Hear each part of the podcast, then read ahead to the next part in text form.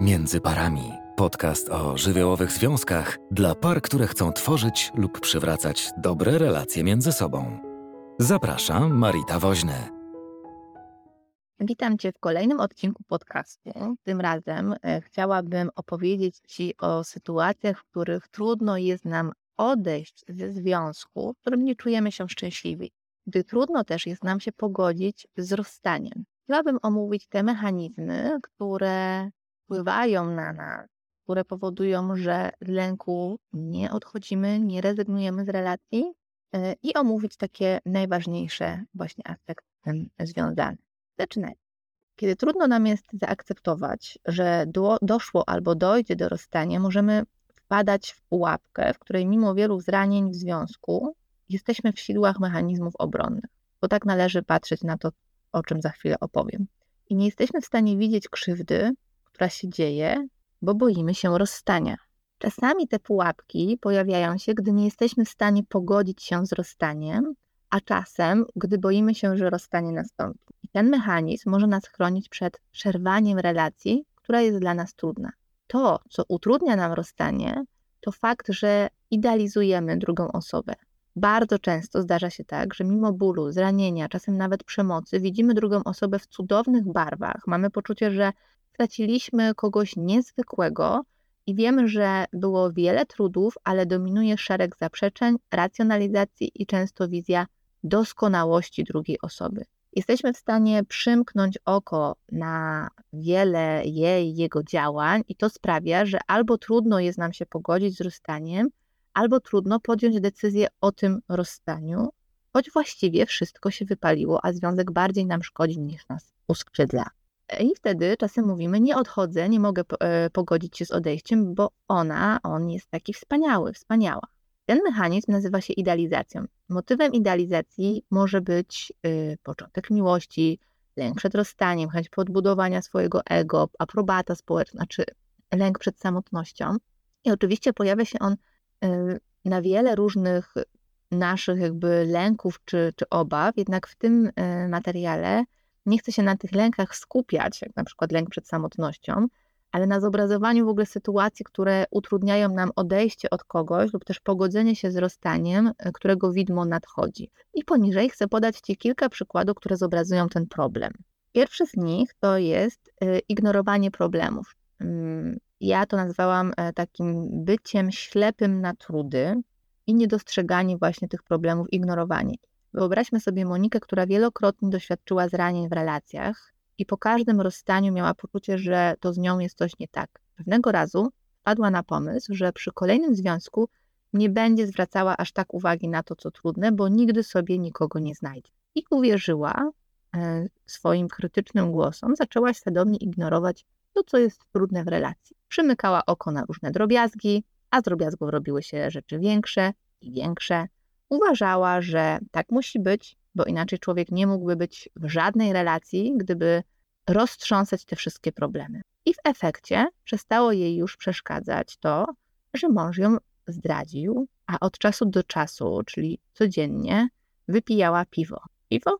Piwo przecież to nie jest alkohol i każdy czasami coś tam sobie łyknie, mówiła. Gosia miała podobnie, choć nigdy nie mówiła o tym wprost. Na imprezach jej mąż często mówił o tym, że gra na giełdzie, ale jakieś tam drobne pieniądze.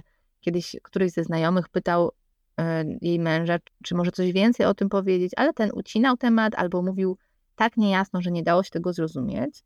Gosia uważała natomiast, że po prostu koszty życia rosną, więc od czasu do czasu zaczęła zostawać dłużej w pracy, żeby więcej zarobić. Potem tłumaczyła to tym, że przecież Patrykowi ostatnio obcięli premię i wiadomo jak jest, kryzys to, dotknął wszystkich. Nie chciała wierzyć, kiedy znajomi mówili, że widzieli go czasami w kasynie. Za każdym razem mm, pytała, ale o czym ty mówisz? To przecież niemożliwe. Tak jakby nie chciała dopuścić do tego, że jej mąż może y, być uzależniony od hazardu, gry na giełdzie, y, może y, wydawać pieniądze y, które są na ich wspólne życie. Ktoś może zapytać, no ale to jak długo można tak żyć? Otóż y, długo, y, jednak kiedy wszystkie trudności i kłamstwa wyjdą na światło dzienne, y, to to samo oszukiwanie siebie będzie miało ogromne konsekwencje i będzie bolało jeszcze bardziej. Więc warto zwrócić uwagę na to, jakich problemów my nie chcemy widzieć. E, druga rzecz to jest e, szukanie sensu w okrucieństwie, które w tym związku się pojawia, czyli mówimy wtedy na przykład los. I tutaj chcę przytoczyć historię Agaty, która wierzyła, że to, co nam się przytrafia, nie dzieje się bez powodu. Miała takie powiedzenie, że Bóg nie da nam dźwigać ciężaru, którego nie uniesie. I uważała, że to, co jej się przytrafia, ma jakiś głębszy sens, jest po coś, szukała rozumienia w tym, co życie jej przynosi, znosiła więc przemoc, alkoholizm męża i uważała, że poradzą sobie, bo jej cierpienie jest po to, by wyciągnąć z niego jakąś lekcję. I w tym miejscu chciałabym dodać, że nie jest to prawdą, że człowiek jest w stanie wszystko wytrzymać, że życie przynosi nam różne doświadczenia e, po to, aby nas czegoś nauczyć e, i nie wszystkie doświadczenia mają w życiu sens. Są zwyczajnie trudne i są traumatyczne, i czasami e, sami zgadzamy się na tą autodestrukcję. Dlatego warto takich sytuacjach sięgnąć po pomoc, choć jak się jest w tym,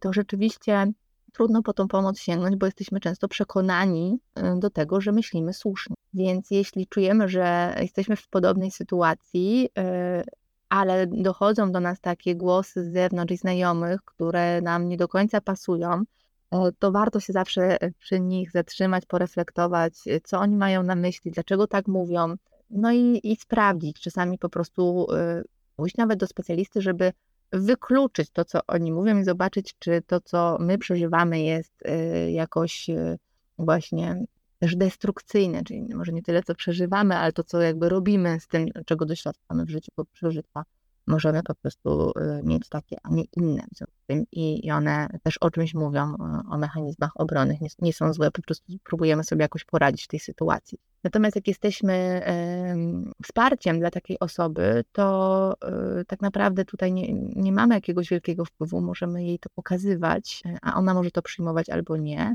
ale e, towarzyszenie jej z pokazywaniem tego, co się dzieje, Y, z czasem może przynieść taki efekt, że, że w końcu ktoś y, to zobaczy. Y, trzecia rzecz to jest wyolbrzymianie zalet, czyli taki pomysł, że on czy ona, on jest taki wspaniały, ona jest taka wspaniała. I to jest też sposób idealizacji, jednak ukierunkowuje się przede wszystkim na to, aby wyolbrzymić czyjeś dobre strony i oczywiście też zakłada pomijanie tego, co trudne, co raniące, co krzywdzące, co niekomfortowe, i nacisk położony jest przede wszystkim na gloryfikowanie drugiego człowieka. Możesz sobie wyobrazić, że ten mechanizm podobny jest do fazy zakochania, zauroczenia, kiedy zupełnie nie znajdujemy czyichś wad. Wydaje nam się, że znaleźliśmy kogoś wyjątkowego, wspaniałego, niezwykłego. Po rozstaniu też jest to możliwe. I możemy też się samobiczować myśleniem, że my jako te niewinne czy, czy niewiele warte, że my jako te niewiele warte istoty nie zasługujemy na kogoś tak wspaniałego pojawia się często takie zdanie: Nie mogę uwierzyć, że ktoś taki zwrócił na mnie uwagę, więc nic dziwnego, że ostatecznie odszedł. Umniejszamy sobie, a na piedestale e, wstawiamy właśnie tą drugą osobę. Więc możemy mieć poczucie, że powinniśmy się bardziej starać, więcej robić, aby tę osobę zatrzymać, i całą winę obarczamy siebie. Swoją drogą, e, na początku związku również warto być uważnym na ten mechanizm. Jeśli ktoś ciebie uważa za takiego wyjątkowego człowieka i niezwykłego, naprawdę warto się zatrzymać i uważać, co tam się dzieje. Nie chodzi o to, aby nie przyjmować komplementów, ale kiedy czujemy, że są przesadzone albo tak wyjątkowe, takie niezwykłe, to pamiętaj, że e, blisko idealizacji leży e, dewaluacja, a sama idealizacja też jest związana z wyobrażeniem tej osoby na Twój temat, czy też Twoim wyobrażeniem na temat drugiej osoby. E, I niewiele ma to wspólnego z realnością, choć nie wiem, jak byśmy pragnęli właśnie tych y, takich zachwytów, bo kiedy jesteśmy głodni, spragnieni takiego zauważenia i miłości, jesteśmy łatwym obiektem do nadużyć, wykorzystania, bo druga osoba czuje, że właśnie tak, czy my czujemy, że potrzebujemy to słyszeć, więc trudno wtedy nam zobaczyć, że to jest niebezpieczne, że za chwilę, tak jak teraz bardzo mnie ktoś kocha, może tak bardzo mnie nienawidzieć. Kolejna rzecz to jest minimalizowanie problemów, czyli to nie miało aż takiego znaczenia. A teraz sobie wyobraź Gabrysię, która od zawsze miała tendencję do zamiatania problemów pod dywan. W jej domu rodzice się kłócili i obiecała sobie, że u niej nigdy tak nie będzie. Bała się kłótni, awantur, pragnęła normalnego domu. Jednak w pewnym momencie poczuła, że ilość rzeczy, które umniejszała, jest tak wielka, że ją przytłacza. Nie mogła uwierzyć, że mogłaby tyle ważnych spraw pominąć, stwierdziła, że przemyśli to wszystko, odsunęła to w czasie. Po kilku dniach wróciła myślami do tego, co wtedy sobie myślała i stwierdziła, że musiała być chyba w jakimś innym stanie świadomości. Więc stwierdziła, że przecież ona nie ignoruje problemów. Nie jest tak, że ich jakoś nie widzi, nie dostrzega. Uważa jednak, że nie są one aż tak wielkie i przecież ludzie mają większe problemy, więc nie powinna się tak wszystkiego czepiać. I w tej strategii, którą wykorzystuje Gabrysia, przede wszystkim nacisk położony jest na minimalizowanie problemów. Lepiej może to też zobrazować yy, tę trudność, przykład Marcina, który wielokrotnie kłócił się z żoną. Jego partnerka intensywnie wybuchała, zdarzało jej się go popychać, czasami kopnąć, nigdy jej nie oddawał. Nie czuł też, że w tej sytuacji może się jakoś ochronić. I pewnego razu jego żona bardzo się zdenerwowała, uderzyła go w twarz. Zareagował krzykiem i powiedział, że ma się to już nigdy więcej nie powtórzyć. Dziś Marcin twierdzi, że raczej to się już nie zdarza, że przecież nawet czasami go uderzy, to jednak jego partnerka jest dobrym człowiekiem. Nieważne, że ona nie chce już z nim być, on nadal uważa, że ich związku było dobrze, więc chciałby ją odzyskać. Uważał, że prawdziwa miłość da radę ze wszystkim i rozwód nie jest żadnym rozwiązaniem. Twierdzi, że skoro kiedyś coś ich połączyło, to może to odbudować, jeśli oboje się postarają. Przecież jego żona jest dobrym człowiekiem. Czasem jej się bał, ale wierzył, że ona wreszcie zacznie nad tym panować, by nie wybuchać. E, więc to są dwa takie przykłady minimalizowania e, problemów, e, choć nie są to jeszcze skrajne przykłady, więc warto, warto o każdym najdrobniejszym problemie ze sobą rozmawiać. Im szybciej, tym lepiej. I jeszcze inny aspekt, który chcę poruszyć, to mm, możemy zostać przyjaciółmi, czyli lepsze to niż. Jeśli chodzi o poradzenie sobie z rozstaniem, to tak jak w poprzednich podcastach opowiadałam, mamy różne strategie na to, żeby sobie z tym radzić. Strata może boleć tak bardzo, że nie wyobrażamy sobie całkowicie utracić relacji z drugą osobą. Mamy ku temu wiele powodów. Jednym z takich mechanizmów jest wymazywanie tego, co trudne. Próbujemy przekształcić relację w przyjaźń, nie patrząc na to, co wcześniej w tej relacji się działo.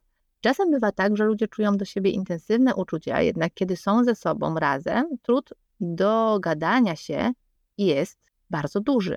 Trudno jest nam się pożegnać ze sobą, zrezygnować z tego, co było dobre, i w związku z tym próbujemy utrzymać relacje na innych warunkach. Uważamy, że jako partnerka czy partner ta druga osoba e, była kiepska, było trudno, ale jako przyjaciel, przyjaciółka sprawdzi się świetnie. I dla jasności, są takie pary, jest to możliwe, choć raczej w rzadszych niż częstszych sytuacjach, natomiast w większości sytuacji przyjaźń też ma służyć do tego, by się nie pożegnać. Nie zwracamy już uwagi, że jeszcze dosłownie kilka dni temu nie mogliśmy z kimś wytrzymać, a dzisiaj uważamy, że tylko tej osobie możemy się zwierzać, tęsknimy za nią i tylko ona nas świetnie zrozumie.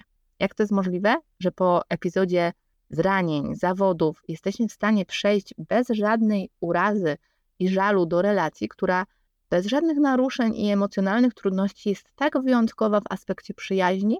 Nie łudźmy się, to nie jest bez wpływu. Mechanizm zaprzeczania, idealizacji działa tu bardzo intensywnie. Wiele osób w ten sposób próbuje podtrzymać relacje, aby nie stracić całkowicie kontaktu. To jest ich strategia na poradzenie sobie z rozstaniem. Jednak nie wszyscy zdają sobie sprawę z tego uczucia, które nadal czują do tego człowieka. Ono nie zanika, coś trzeba będzie w tej sytuacji przecież z tym uczuciem zrobić. I co zrobić? Ukryć, zaprzeczyć, kontrolować, by druga osoba z nikim się nie związała. W sumie jesteśmy bliżej tej osoby, tym łatwiej nam to jest utrudniać jej. To będziemy zachęcać do powrotu, e, nieustannie powtarzać e, ten krąg powrotów i rozstań w naszej relacji. Trzeba sobie uświadomić, że nieprzepracowanie rozstania, czy nieprzepracowane rozstania obracają się przeciwko nam wcześniej czy później. Jeśli trudno jest się pogodzić y, z rozstaniem, masz wokół tego dużo różnych emocji, nie wiesz co z tym zrobić, zapraszam Cię do dedykowanego mailingu Jak się poskładać po rozstaniu, który znajdziesz pod tym materiałem lub na międzyparami.pl w zakładce rozstania. Kolejna rzecz, która jeszcze z tych mechanizmów obronnych się zadziewa, to jest to, co wspomniałam wcześniej, a teraz trochę to rozwinę, czyli obok idealizacji mieszka dewaluacja. Efektem idealizacji jest bardzo często dewaluacja. Mówi się nawet, że im silniejsza idealizacja, tym silniejsza dewaluacja. Uczucia zmieniają się wtedy błyskawicznie. Czasami ten wybuch jest tak wielki, że z miłości nic nie zostaje, a paliwem napędowym jest wściekłość i nienawiść. Rozczarowanie ma moc wyzwolenia nas z trudnych miłości, jednak jeśli długo zaprzeczaliśmy krzywdzie, idealizowaliśmy drugą osobę, siła uczuć, która była pod tym mechanizmem, może obracać inny kierunek i czasem ta złość może